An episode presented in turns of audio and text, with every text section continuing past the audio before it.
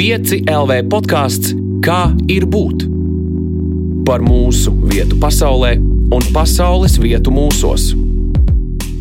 Čau! Droši vien jau zini, bet, ja nu tomēr ne, es esmu Elīna Balskara, un tu šobrīd klausies Latvijas Rādio 5,5 LV podkāstu Kā ir būt. Nereti kā ir būt epizodes sākas ar skaidrojošo vārnīcu, un tur uzmeklējot šīs reizes tēmu bagātību, parādās trīs skaidrojumi, no kuriem divi ir cieši saistīti ar materiālām vērtībām, un viens, kas uzsver garīgās. Un tas ir gana interesanti, lai par to parunātu. Šodien pie manis ciemos uz sarunu ir Jēkabs Ozols, vecākais brālis 11 bērnu ģimenē. Čau, Jēkab! Čau! Pastāstīji, ar ko bagāta ir tava ikdiena, kā tu pavadi savas dienas. Es esmu arhitekts, strādāju labajos kokos. Tas ir uzņēmums, kas rūpējās par bagātīgām Latvijas ainavām un eh, bagātina mūsu dzīves telpu.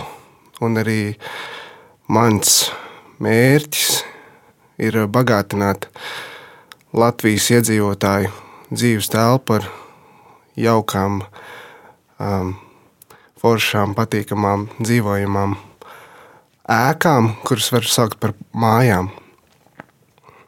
Tev ir 22, un vēl tev ir 10 eh, brāļi un māsas. Vai tu vari pateikt, lūdzu, cik gadu vai mēnešu, jo es nenojaušu, ir jaunākajam no jums? Ir nav? Eh, ļoti vienkārša kalkulācija. Man ir 22, man nākamā mēnesis paliek 23. Un eh, tas nozīmē, ka manam jaunākajam brālim ir tūlīt vajadzētu būt vienam gadam. Eh, jo mēs esam dzīvojuši divu gadu intervālā. Tas nozīmē 22, 23 un tā uz leju. Okay. Es šodien teicu kolēģiem, ka es ierakstīšu podkāstu ar puisi, kurš ir no 11 bērnu ģimenes. Un, un mans kolēģis Uldis uzreiz teica, pajautā, kā ir, vai vecāki tur tos kā, pirmo un pēdējo atcerās, un pa vidu tur jūka kaut kas vārdi vai, vai kaut kas pārējais. Jā, jūka. un vecākiem arī man dažreiz jūka. Tas, kas gan ir. Um, Jā, man ir māsa Rūta un Grieta. Un, tā, lai viņas neapvainotos, es mēdzu viņu saukt par grūtu un rietu. Un tā samainot tos sākumus vietām, un tad tā mēģinu izbraukt, atcerēties viņām vārdus. Jo viņas ir divas māsas, divas jaunākās māsas, viena tuvu otrai. Tad, Tad jā. var principā izmantot jebkuru vārdu, un jā. viņām jāatsauc. Jo sanāk tos pēdējos Pēdējos četrus studiju gadus es dzīvoju Rīgā, atsevišķi no ģimenes. Un, un es neesmu pieredzējis un ikdienā ar viņām sastapies tik bieži, lai es varētu atcerēties. Nav viegli. Tā jau ir tāda maza lauku skolas vai mazas pilsētas skolas, tāda klasīte, iedomājieties, 11 bērnu. Futbola komanda. Jā, Jā. precīzi, precīzi futbola komanda. Mēs šodien runāsim par bagātību un reizēm vieglāk kaut kādus terminus saprast vai kaut kādu vārdu nozīmi saprast, ir tad, kad mēs viņus pretstatām citiem terminiem. Mums ir arī dzīvē vieglāk saprast, kas ir augstums, tad, kad mēs esam sapratuši, kas ir siltums un citādi. Un pirms mēs runājam par bagātību, kas tavuprāt ir nabadzība? Trūkums. Kaut kā konkrēti trūkums vai trūkums vispārīgi? Trūkums vispārīgi. Jā. Jā. Un kāds tavuprāt ir bagāts cilvēks? Gudrs cilvēks ir bagāts cilvēks. Un zinātnēkārs cilvēks ir bagāts cilvēks. Un zināšanu intereses trūkums ir tas, kas tev var padarīt nabadzīgu. Tas nozīmē, ka, ja vajadzētu raksturot, piemēram, bagāta cilvēka uzvedību, kāda tā būtu? Zinātnēkāra. Respektīvi, tas būtu tāds izzinošais. Izzinošs, vienmēr dedzīgs, atklāt ko jaunu, vienmēr gribošs izpētīt un gribošs izzināt. Ko tu izzini savā ikdienā? Vai tu sevi sauc par bagātu? Es uh, gribētu sev saukt par bagātu. Nezinu, vai tagad, bet kādu dienu. un, uh, man ļoti patīk pētīt tradicionālu būvniecību. Man ļoti patīk pretstatā tam pētīt arī um, jaunas, mūsdienīgas tehnoloģijas, um, dažādas, dažādas veidus, kā tehnoloģijas var uzlabot mūsu ikdienu. Un tad vēl brīvos brīžos arī kaut ko paskatīties par Latvijas ainavu. es domāju par um, to, arī izrietoši no tā, kādas tu šīs definīcijas savā veidā iedevi, vai cilvēks var vienlaicīgi būt gan bagāts, gan nabadzīgs? Jā. Tas atkarīgs no tā, kur kādos fondos tu savu bagātību esi ieguldījis. Tā bagātība varētu būt tā, tā interese, tā vēlme. Un, uh, ja to, to vēlmi es ieguldījis um, jaunā mašīnā, tad uh, viņi vien, vienā mirklī sev var izsmelt. Un uh, tajā mirklī tu kā esi ieguldījis, un tev ir liela vērtība kā mašīna. Bet, uh, bet viņi no tevis paņem tik daudz resursu, ka tu pēkšņi kļūsti nabadzīgs. Tā kaut kā var būt. Kas būtu tie fondi, kur vajadzētu ieguldīt? Cilvēkos vajag ieguldīt, tāpēc sevī vajag ieguldīt. Vajag ieguldīt eh, paliekošās vērtībās. Kā tu ieguldi cilvēkos? Es zinu, ka es eh, daudz ieguldu sevī, studējot, bet pat man ir grūti atbildēt, kā es ieguldu citos cilvēkos. Man gribētu domāt, ka mēs katrs lielākā vai mazākā mērā droši vien ieguldam, vai ne? Jā, jā es ieguldu, ieguldu. ieguldu jā. jā, es aizmirsu. Nu, man, man, es domāju par tādām ļoti vispārīgām, tādām globālām lietām, kurās mums mātei Terēzai vajadzētu ieguldīt un, un glābt pasauli. Bet man jāšķiet, ka Mēs jau glābjam arī ar tādu palīdzīgu roku kādam kolēģim vai brālim, māsai, izpalīdzot ar mājas darbu izpildīšanu, vai palīdzot salikt, sagatavot angļu valodas vai informātikas prezentāciju, vai, vai padaloties ar saviem atklājumiem jaunajiem. Tas, tas ir ieguldījums. Un tas droši vien ir ieguldījums. Tas droši vien ir ieguldījums, kas nāk arī atpakaļ, vai ne? Jā, jā. cilvēki uh, novērtē un ir priecīgi būt tev blakus, un uh, tu esi priecīgs būt viņiem blakus. Kā tev liekas, kurā virzienā slēpjas tāda jēgpilnāka pieredze? Ceļā no bagātības uz nabadzību vai otrādi no nabadzības uz bagātību? Mēs, es domāju, kaut vai Holivudā vien esam redzējuši eh, simtiem piemēru par to, kā cilvēki no tā, ka viņiem pieder viss, nonāk vietā, kur viņiem nav gandrīz nekā, vai arī tieši otrādi. Kā tev šķiet, kur slēpjas lielāka, pie, lielāka jēga, kurā pieredzē? Man, man kaut kā gribās salīdzināt ar uh, to kompāniju, kurā tev vajadzētu būt. Nu, piemēram, skola vai klase, kur tu izvēlēsies, eh, vai tu esi uh, dumjākais starp gudrajiem vai gudrākais starp dumjajiem, tad es, uh, es arī esmu izvēlējies uh, un bieži izvēlos. Pārsvarā izvēlos tādas vietas, kur es esmu dumjākais starp gudriem. Un, tāpēc man liekas, vērtīgāks ir tas ceļš no uh, no, no nabadzības uz bagātību, ja mēs par to materiālu un arī nemateriālu. Kāpēc tu izvēlējies to ceļu savā ikdienā? Viņš ir tas, tas, tas ir tāds ilgspējīgāks, ar skatu nākotnē, ar drošu skatu nākotnē. Bet tas nav viegls ceļš, ne? es domāju, ka tas otrs ceļš, kur mēs no bagātiem kļūstam nabagi, ir uh, vēl, vēl grūtāks un uh, smagāks. Un, uh, jo tā, ja, ja ceļā no apakšas uz augšu tas notiek pakāpeniski, bet tas ir pakāpeniski grūti, tad tai otrā virzienā tas ļoti bieži notiek ļoti strauji. Bet, ja mēs runājam par tādu ļoti materiālu bagātību, tad nu, ir arī stāsti, kad tas nenotiek pakāpeniski. Kad ir cilvēki, kas kļūst ļoti pēkšņi, ļoti, ļoti bagāti. Pie materiālās bagātības turamies šobrīd. Jā, jā. Vai tas ir viegli? Kā tev šķiet? Nu, nav. nav. Mēs jau esam. Es, es noteikti esmu pieradis dzīvot ar tiem resursiem, kas man ir, ar tiem cilvēku resursiem, ar tām uh, 24 stundām, ar tiem naudas līdzekļiem.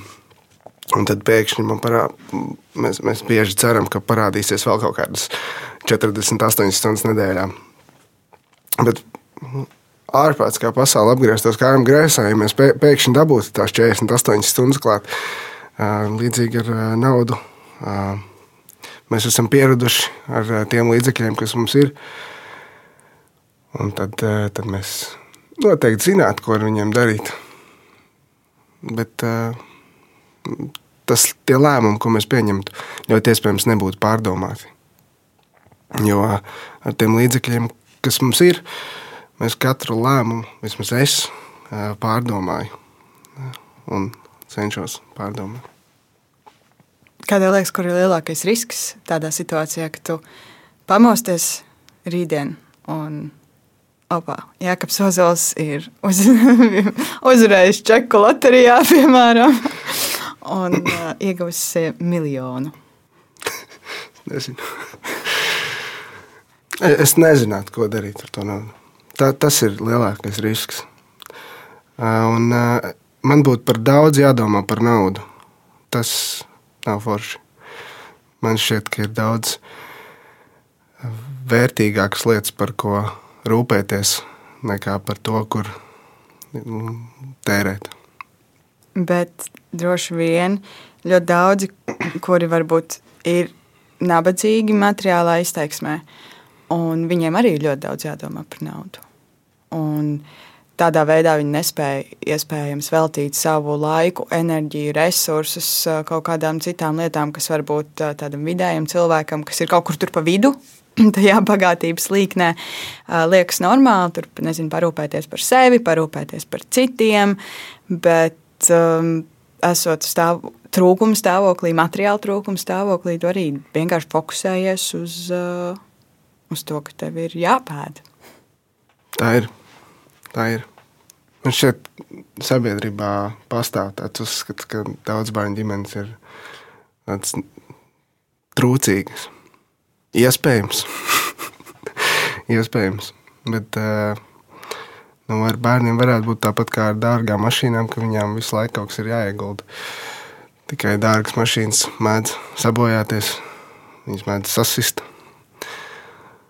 Tad uh, ar bērniem tas uh, ieguldījums mēdz atmaksāties ilgākā termiņā. Ko tu domā par to pastāvošo stereotipu? Jo es varētu tev piekrist. Man arī liekas, ka tāds tiešām pastāv. Un tas pat nerunājot par 11 bērnu ģimeni, man liekas, jau sākot no nezinu, 5, 6 jau cilvēkiem liekas ļoti dulli. Tā ir. Tā ir.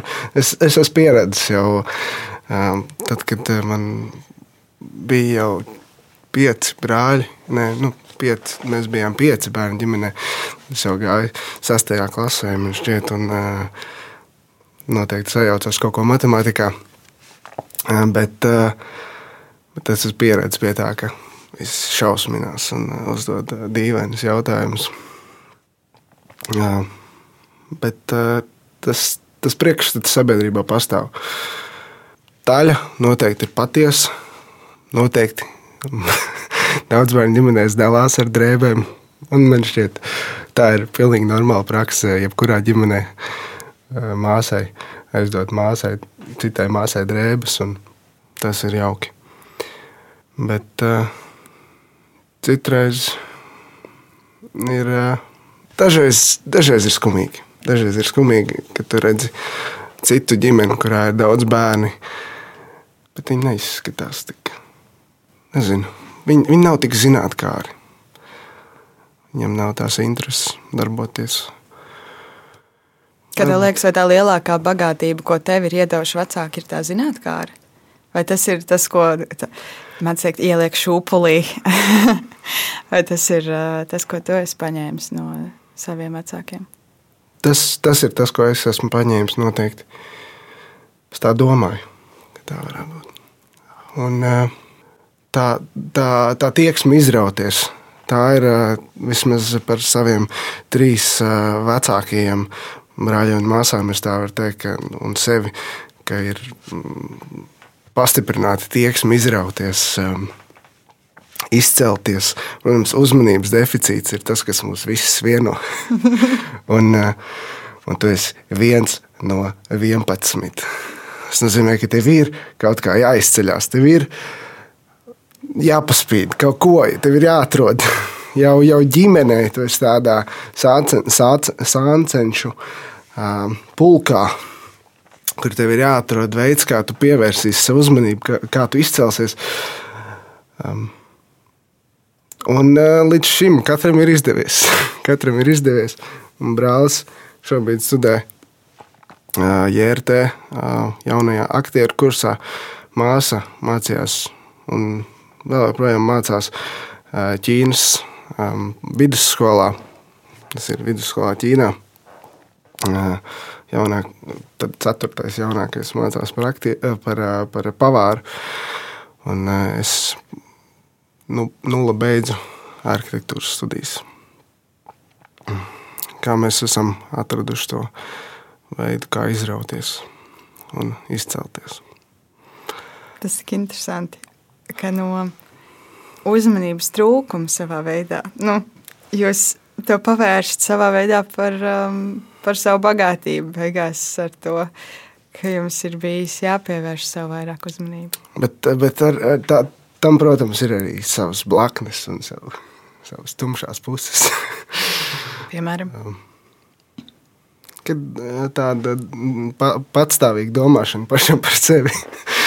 tāda, tāda, jau, tas jau vairāk ir saistīts ar patstāvīgumu. Un tāda pārākā patstāvīguma pakāpe ir tāds mērens egoisms, ka tu domā tikai par sevi. Un es mēdzu novērot sev šādas, un arī mēs runājam ar brāli. Jā. Viņam arī ir šādas tendences. Tas nozīmē, ka ir jābūt uzmanīgam. Man jau liekas, ka mums visiem ir tāda tendence padomāt pašiem par sevi. Es, eh, es esmu uzaugusi, man ir viens brālis, mēs esam divi. Eh, līdz ar to man nav ne mazākās jausmas, kā ir dzīvot ar eh, vēl desmit. Jo mēs jau ar brāli centāmies visu dalīt un sadalīt, bet tajā pašā laikā tas, ka es uzaugu kopā piemēram, ar brāli, man iemācīja to, ka man ir jādomā arī par to otru. Es savā ziņā kā ļaunāko mūrgu, bet es atceros, ka, nezinu, ieejot ar māmu veikalā, ja es gribēju saldējumu, tad uzreiz sekoja jautājums, bet brālim. brālim arī jāiet nopirkt. Un es domāju, vai tev un jums ģimenē tas, ka jūs esat daudz, nav iemācījis, jā, tu kā esi patstāvīgs, tev ir jācīnās par sevi un tā tālāk, bet tajā pašā laikā tu taču neizbēgami domā arī par tiem desmit, kas ir vēl ar tevi. Un tu vēl pie tam esi vecākais brālis. Jā. Tā ir īpaša atbildība.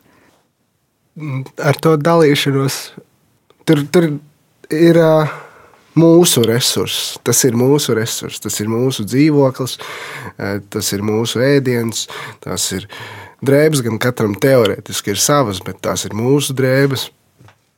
Un, uh, principā tu pierodi pie tā, ka tāds komunisms tāds, tas, ir, tas viss ir mūsu.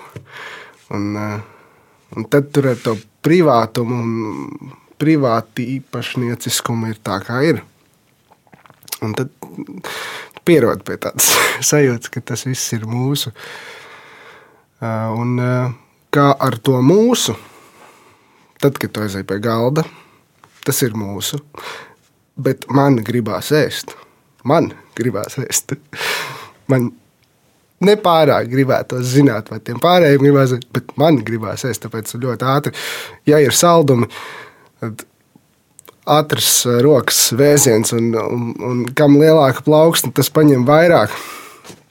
Un, tā, tā mēdz gadīties. Tāpēc, tāpēc šādi, tad, kad nekon, ne, netiek izkontrolēts, tad, tad, tad notiek tā saujas pagrābšana. Kā bija izvākties no ģimenes mājas?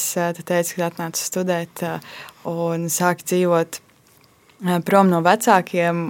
Kā mainījās tava ikdiena vai domāšana, kad tas mūsu vairs nebija tavs ikdienas standarta termins, jo aizvien vairāk lietas kļuva droši vien vienkārši tavas. Tev bija tava māja, tavs ēdiens, tavi saldumi. Jā, es jūtu jau, un es arī redzu pēc saviem jaunākiem brāļiem un māsām, kad 16 gadu vecums jau, jau no, liekas, kaut kādiem 14, 15, tās pubertātes vecums, vienkārši raujies pēc tādas privātas telpas, un, un tas tā ir tev vienkārši nepieciešamība. Tā, tā vairs nav. Tā nav vēlme, tā ir nepieciešamība. Tāpēc eh, bija patīkami, ka tu vari iegūt to privāto telpu. Un bija patīkami viņu arī iekārtot un uh, veidot. Bet nācās saskarties ar grūtībām, adaptēties tai ierastai pasaulē. Kas bija kaut kādas varbūt, lietas, kas tev pietrūka? Vai pietrūkst joprojām? Es varētu, es varētu daudz pateikt par lietām, kas man nepietrūkst.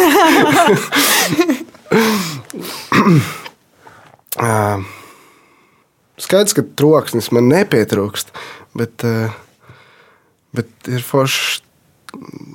Ir forša prasme mm, atrast mieru pilnīgā haosā un pilnīgā troksnī. Un, tā, ir, tā ir vērtīga pieredze. Tu vari pastrādāt, lai, lai, lai kas tev apkārt notiktu. Tu spēj sakoncentrēties un veltīt domas. Man liekas, mūsdienās īpaši pieprasīta prasme. Kad daudz strādā no mājām, ļoti dažādos apstākļos. Kādam ir ģimene, kādam kaimiņš, urbji, kādam vēl kaut kas cits. Um, tu pirms tam runājot par bagātību, un kad es tev jautāju pašā sākumā, tu uzreiz pateici, ka bagātība ir zinātnākāra. Un mēs diezgan ātri patiesībā novirzījāmies no tās materiālās bagātības tajā definīcijā. Vai ja mēs nu, mēdz cilvēki teikt, ka šis, piemēram, šis cilvēks ir tāds gara vai dvēseles bagāts, ko tu domā par tādu um, dvēseles bagātību vai gara bagātību? Ir forši tādus cilvēkus satikt un parunāties.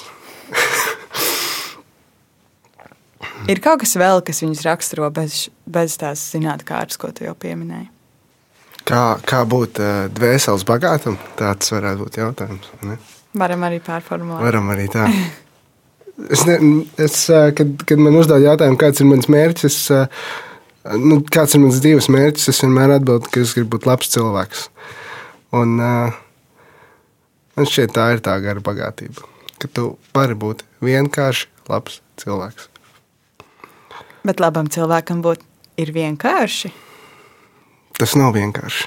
Bet būt vienkāršam, labam cilvēkam, tas nav vienkārši, bet tāpēc tas ir mērķis. Ja mēs iedomātos, ka kaut kur katrā mūsu tajā dvēselē vai garā ir apslēptas bagātības, kāda izskatītos tā karte, lai mēs varētu tās atrast?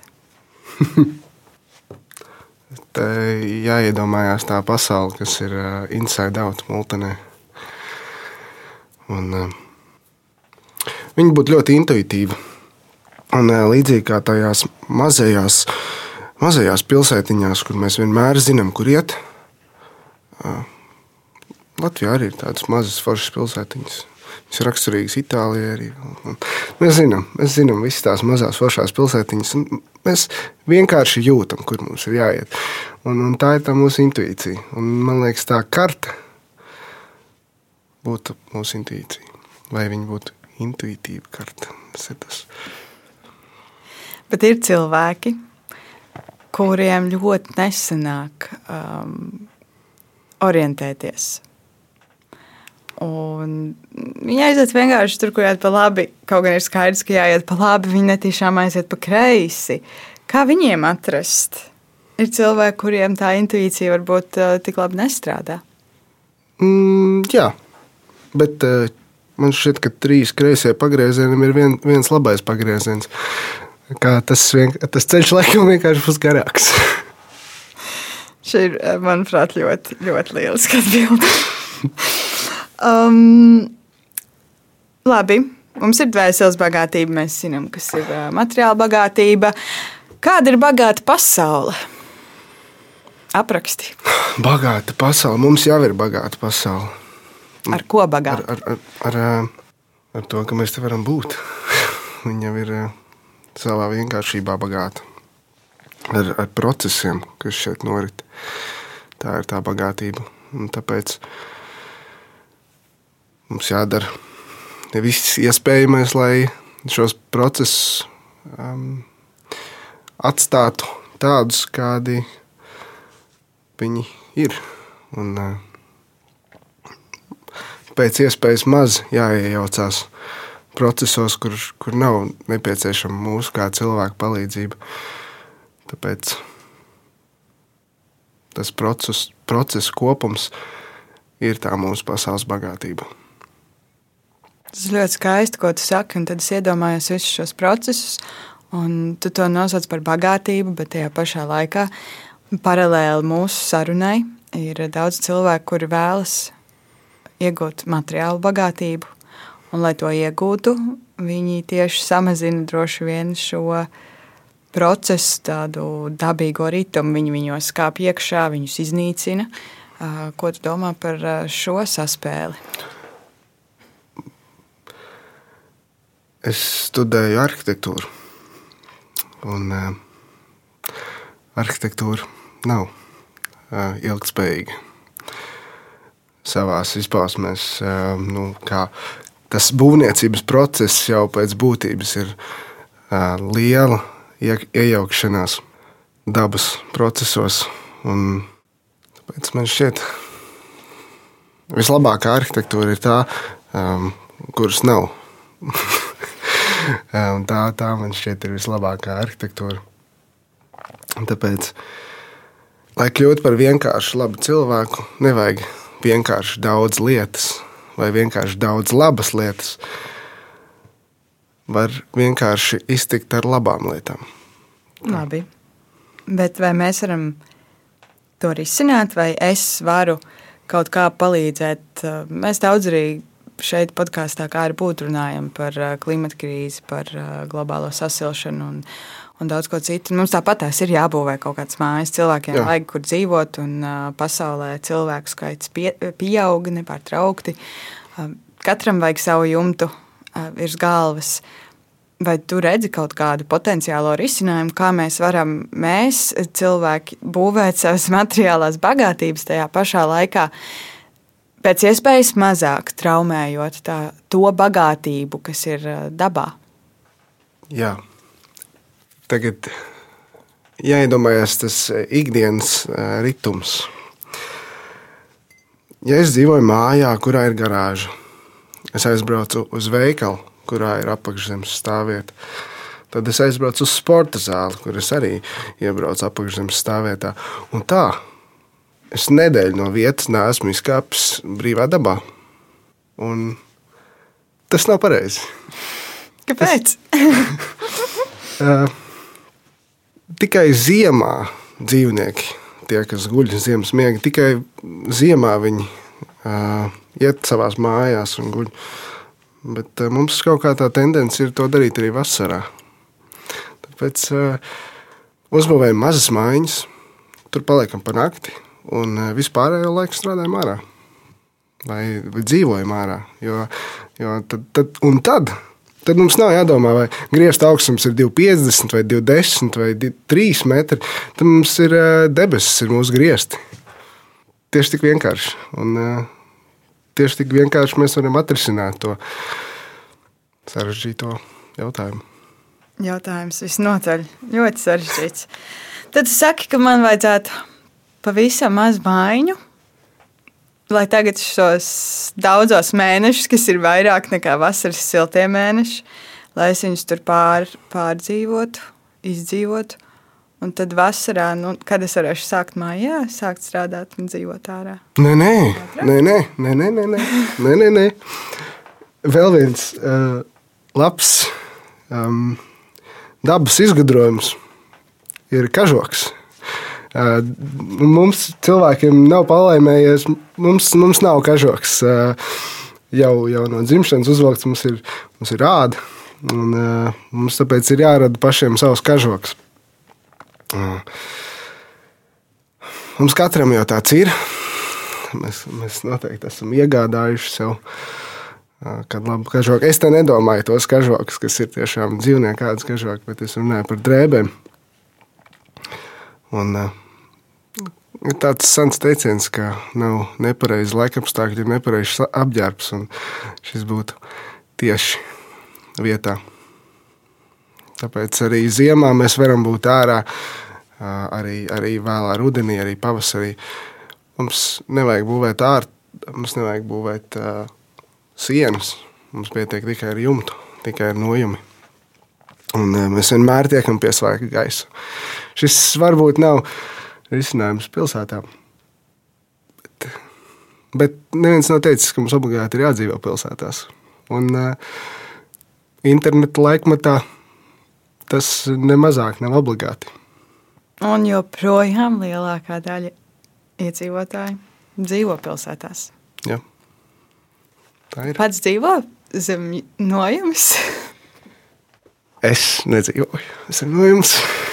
Tā ir tikai tāda Tas ir tāds mērķis, sasniedzamais mērķis. Es uh, vidēji mēnesi, vasara, uh, mēnesi gadā uh, guļu hamukā.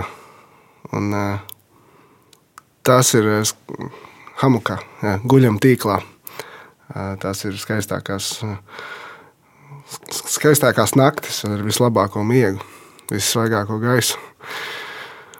Un, uh, to var darīt arī ziemā. Tu to arī dari ziemā? Es to esmu darījis arī ziemā. Lielā augstumā. Galvenais ir uh, svarīgi.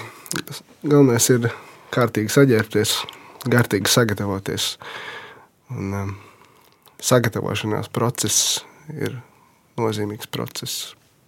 Atgriežoties pie bagātības, mēs uh, tikko izrunājām pasaules lielo bagātību, ko mēs eh, varam izmantot. Un droši vien, ka ar šo lielo pasaules bagātību es tikko iedomājos, un tā jau ir tā mūsu ne, bagātība.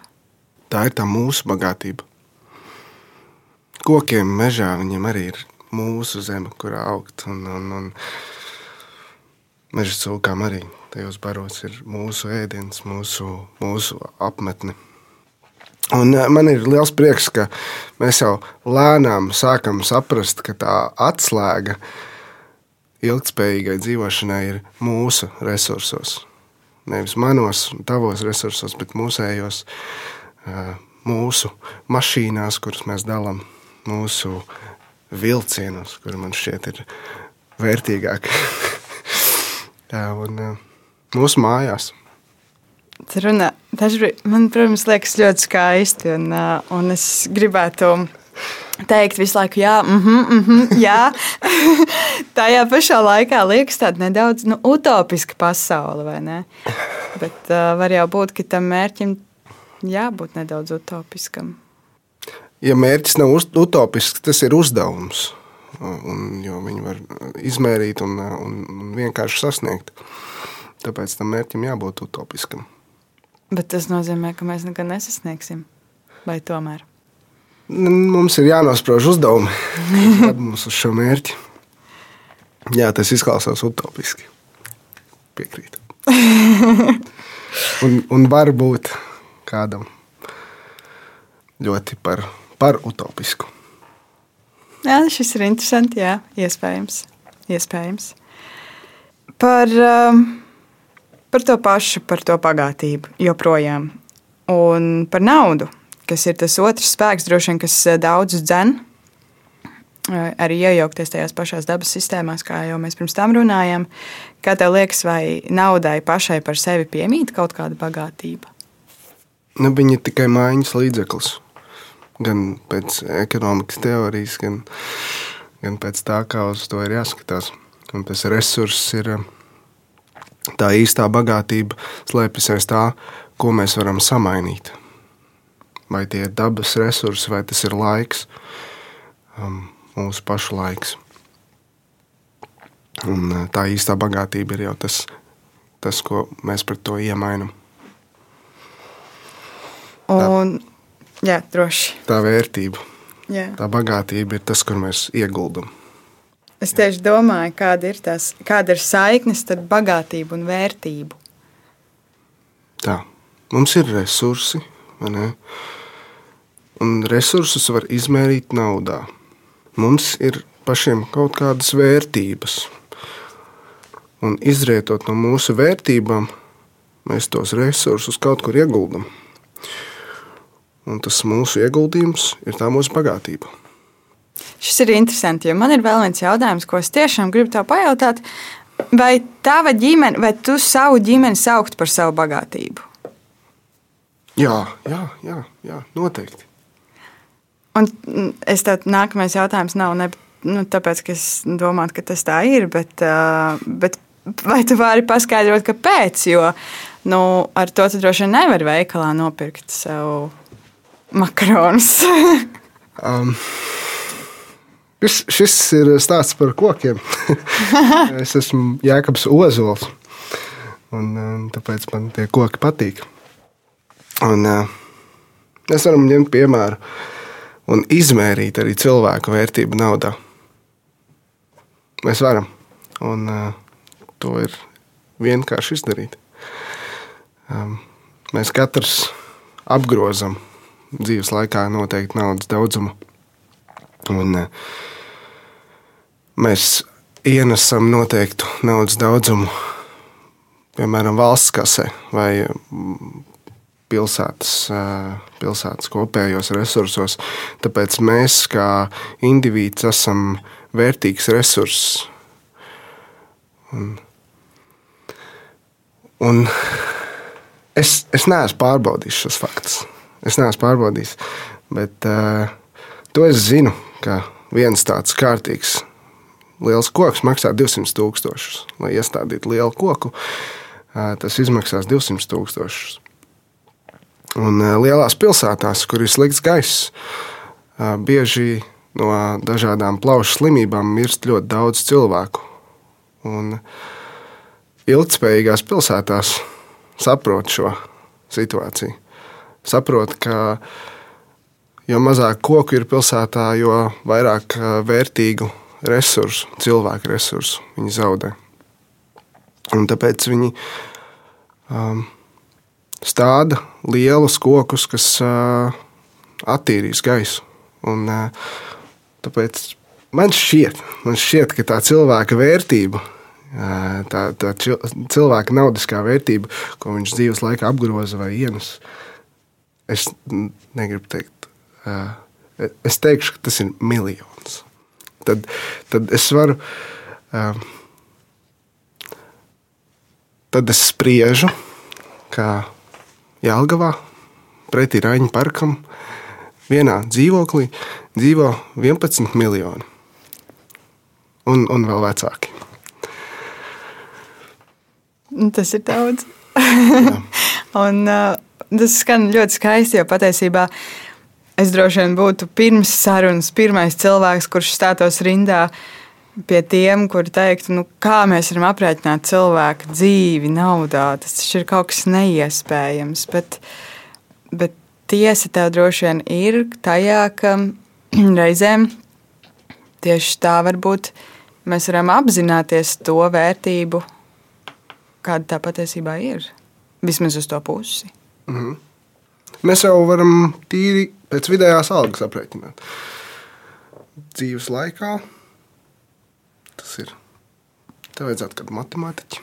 Tad ir 1000 eiro.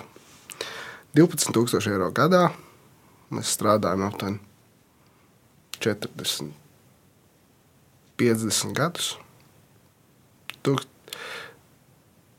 des- 12,000 eiro gadā reizes 50 ir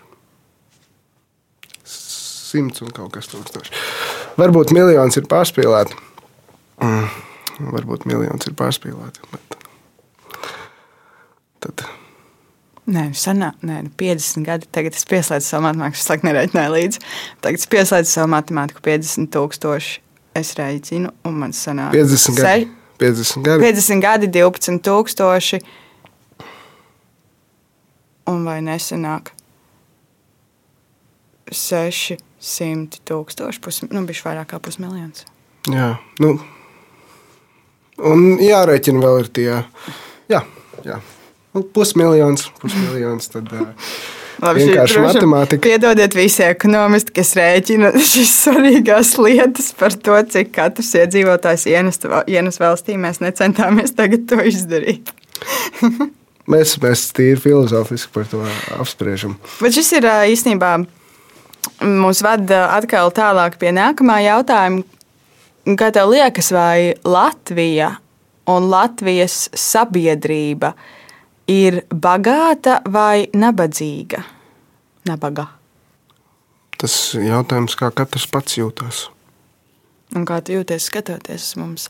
Jo nereti mums, eh, nu, mums ir tāda, daži to sauc par cietēja, verga mentalitāti, kāds to sauc par nabaga mentalitāti, ka mēs vienmēr esam nabadzīgi. Mums vēsturē tiešām bijusi skaudra. Un vai tas ir tas, vai tas ir kaut kas cits, bet ar tādu mēs dzīvojam. Tas atkarīgs no mūsu bagātības uztveres. Ja mēs domājam, ka mēs esam bijuši nabagi, tāpēc ka mums nav bijis daudz naudas, tad tā ir. Bet, ja mēs esam bijuši nabagi, mēs, mēs nevaram teikt, ka mēs esam bijuši nabagi, jo mums nekad nav bijusi vēlme uzzināt kaut ko vairāk un atklāt kaut ko jaunu. Es domāju, ka latvieši ir eh, diezgan zinātnē tauta. Un, eh, mēs pamanāmies iesprāgties pie lielā pasaules galda. Šajā man laikam ļoti gribās tev piekrist. Man arī bieži liekas, ka mēs kaut kā maza tauta, ja, bet ar, ar tādu lielu spēku. Un tajā pašā laikā, um, balstoties uz uh, centrālās statistikas pārvaldes datiem, 2019. gadā Latvijā nabadzības riskam bija pakļauti 21,8% iedzīvotāji. Tas ir viena piektā daļa no, no visiem, kas, protams, ir tā nabadzība materiālā, par ko mēs mm -hmm. šeit, šeit runājam. Un kā, kā, tas, kā mēs varam ar tādu materiālu nabadzību tiekties pēc garīgas bagātības? Tad varbūt es neesmu īstais, kam to jautāt. Es pieļauju, ka varbūt kāds budismu pārstāvis varētu uz šo atbildēt. Bet, eh, jā, man liekas, daudzām tādām ir, ir daudz kustības, kur tev atdod visu, kas tev ir, lai nodotos. Kaut vai tāda, um, kā sauc to kustību, ka tev ir mazliet minimālisms, minimālisma kustība. Kaut vai tev nav jābūt uh, reliģiski apsēstam ar kaut ko. Tu, tu vienkārši vari būt minimalists un tev nepiedara daudz lietas, bet uh, tu lasi daudz grāmatas, satiec tev tuvus cilvēkus, nerūpējies par sešām mašīnām, bet tu esi citādā veidā bagāts. Kā tev liekas, um, vai šajā pandēmijas laikā, kas droši vien šo statistiku nav uzlabojusi, jo pandēmijā uh, daudz zaudēja darbu, vai tie, kuri varbūt nezaudēja daļa no tiem cilvēkiem vienkārši saņem, piemēram, dīkstāvs pabalstu vai kaut ko citu, kas droši vien samazinājis ienākumus ļoti daudz un dažādām sabiedrības grupām. Tev liekas, vai pandēmijā vieglāk ir kļūt nabadzīgākam vai bagātākam? Jo jā, mēs esam zaudējuši iespējams finanses, bet ļoti daudz cilvēku tajā pašā laikā stāsta, cik lielas atklāsmes ir nesis šis laiks? Finanses un laika resursus. Jā, man nav tik daudz naudas. Man nav darba, man ir tīkstāvs pabalsts. Nu, tādās iedomātā situācijā varbūt kādam no klausītājiem tāda ir. Bet es esmu iegūstis to sev visdārgāko resursu, kas ir laiks. Un uh, to resursu es nevis varu pārdot kādam un pretī saņemt naudu, bet uh, pārdot viņu pats sev un pretī saņemt zināšanas. Zināšanas droši vien arī pēc tam var pārdot atkal, vai ne? Un tu vari sev pārdot dārgāk. Ja, tā. um, iestājies augstskolā vai, vai izēju programmēšanas kursus, vai ir bezgalīgi daudz lietas, ko mācīties un atklāt. Jā, droši vien ir reizes, ka tas ir vieglāk, iespējams, ir reizes, ka tas ir grūtāk. Bet um, ko tev šis pandēmijas laiks ir iemācījis par bagātību, par dalīšanos, par nabadzību? Uh, paralēli tam, ka es esmu arhitekts, es esmu arī sētnieks. Man ļoti patīk. Tā noteikti bija pandēmijas laika ietekme. Un, uh, tas ir skaists darbs, ko darīt. Piecēlies no rīta agri. Tev ir fiziska uh, aktivitāte, nav jāiet uz sporta zāli. Uh, šai ziemā bija daudz sniega. To visu forši varēja satīrīt. Arī, arī tādi šķietami necēli darbi, piemēram, sētnieku darbs Viņš ir reāli foršs darbs. um, un uh, cilvēki vienmēr redzēs, kad sētnieks to darbu nav izdarījis. Bet uh, viņi nekad īsti nepamanīs, kad viņš to darbu ir, ir izdarījis. Tāpēc uz, uh, uz, uz visu var paskatīties no vairākiem rakursiem. Tā ir tā. Tas ir tas foršais domu gājiens. Tā ir tā foršā iespēja, kas mums visiem ir dota. Mēs uz katru situāciju var pas, varam paskatīties gan no sliktās, gan no labās, gan no kaimiņu puses, piemēram. Jā, droši vien mums patīk nereti tādā dualismā ieslīgt, vai ne sliktā un labā puse, bet gan jau, ka tur ir ļoti daudz. Tas pelēkais, vai ne? Nav tikai melns un balts, ir jau vesels spektrs krāsām. Var jau vēl paskatīties no tāda um, globālā pasaules viedokļa arī uz tādu sētnieku darbu. Es tā domāju, ka var. Un tas ir interesanti, ko tu saki. Tāpat tāpatās par to necilo. Un iespējams, ka tas arī iet roku rokā nedaudz ar to pašu bagātību, ja vai kaut ko tamlīdzīgu, ka cilvēkiem liekas, ka tas nav tik forši.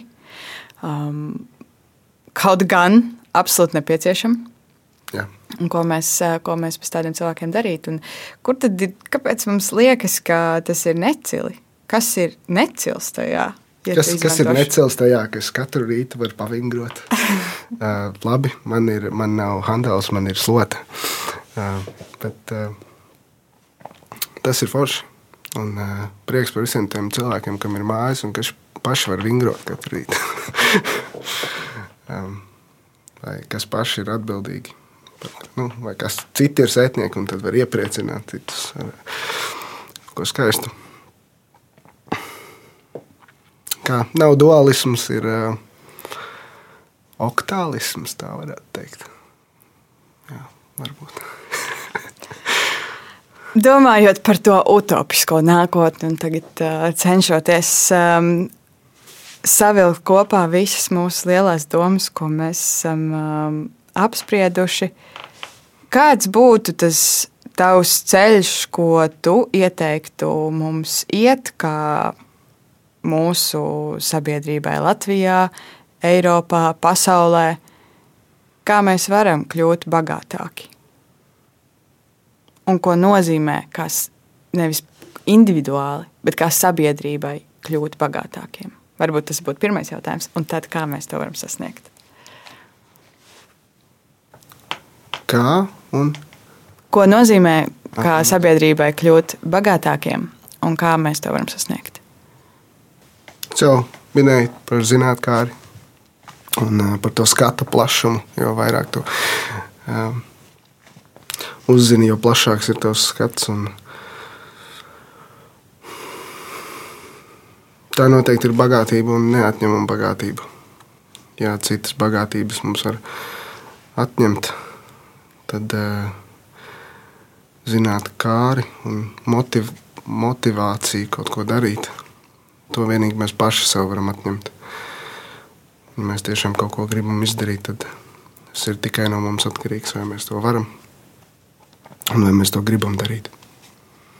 Un, uh, un bieži man šķiet cilvēkiem, un arī man pašam, liekas, ka ko tad es varētu tagad tā darīt? Kā tad es varētu tā izcelties? Nevienmēr tas ir jāatrod Nevienmēr tas, tas citreiz atnāk pats. Un vislabākais veids ir eh, vienkārši iet pastaigāt. Un eh, pelnīt svaigu gaisu. Varbūt paklausīties mūziku, varbūt eh, pavasarī paklausīties putnu čivināšanu. Var staigāt mežā, var staigāt pilsētā. Un tās domas pašas griezīsies. Un, viņas riņķos. Un, Cits būs vērtīgs, cits būs mazāk vērtīgs. Tas varētu būt tāds vienkāršākais veids, kā raisīt zinātnē, un kā domāt, kā veicināt sev domāt. Droši vien, ka domāšana ir, ir viens no tiem punktiem, kas mums palīdz kļūt um, garā bagātākiem mm -hmm. un audzēt to garā bagātību. Man patīk tas, ko tu saki par staigāšanu, jo ejot, vienkārši fiziski staigājot, mēs arī fiziski visu laiku mainām to, ko mēs redzam. Mēs varam uzdot visu laiku jaunus jautājumus, meklēt jaunus iespaidus, jo sēdēt visu laiku vienā istabā, piemēram, vai tikai savā pagalmā, tas uh, vienā brīdī mums uh, liedz. Nu, ne liedz, bet uh, mums izsmeļās tie uzdodāmie jautājumi. Protams, ir svarīgi pazīt savu pagalmu un uh, zināt to savu dārziņu, man liekas. Bet uh, iet un skatīties, jautāt un jautājumu uzdošana ir um, pirmais punkts, lai atrastu atbildes. Šeit tā iešana, viņa tev aizved. Tas atceries par to karti. Jautājums par to karti un to iešanu šeit, šeit viņi abi saliekās vienā kopumā. Un tāpat kā mēs intuitīvi jūtam pilsētas, un, un vai, piemēram, mežus vai takas, tad mums intuitīvi ir arī jāiet tajās domu takās, kur viņas pašas mūs aizvedīs, tur, kur mums vajadzēs nokļūt. Un, tāpēc bija simts soļu taciņa, un arī grāmatā pilsētas cilvēkiem man liekas, ka pirmā frāze ir kaut kas par staigāšanu. Man liekas, fantastiski, ka mēs spējām salikt kopā šo, šīs abas idejas. Man ļoti, ļoti patīk. Un, um, es droši vien arī šodien iešu vēl pastaigāt, lai es kļūtu bagātāk. Tagad zināšu, kā audzēt savu kapitālu. Paldies, tev, Jākab, ka tu atnāci un ka tu parunāji ar, ar mani un pastāstīji ne tikai par bagātību un nabadzību, bet arī par dzīvi ar desmit brāļiem un māsām, kas joprojām mani droši vien pārsteigs un turpinās pārsteigt. Paldies tev! Paldies! Un paldies arī tev, ka tu klausies. Un varbūt tu arī vari iziet, pastaigāties un kļūt nedaudz bagātāks pa kādu domu ceļojot. Bet pēc tam svarīgi ir arī tās izdomātās domas pārunāt. Jo tajā mirklī dzimst sinerģija un tajā objektīvas domas kļūst par subjektīvām, ne otrādi - subjektīvas domas par objektīvām. Lieliski. paldies, tev, Jāka. Paldies, tev, ka klausies. Un mēs tiekamies jau pavisam drīz nākamajā kā ir būt epizodē. Atā!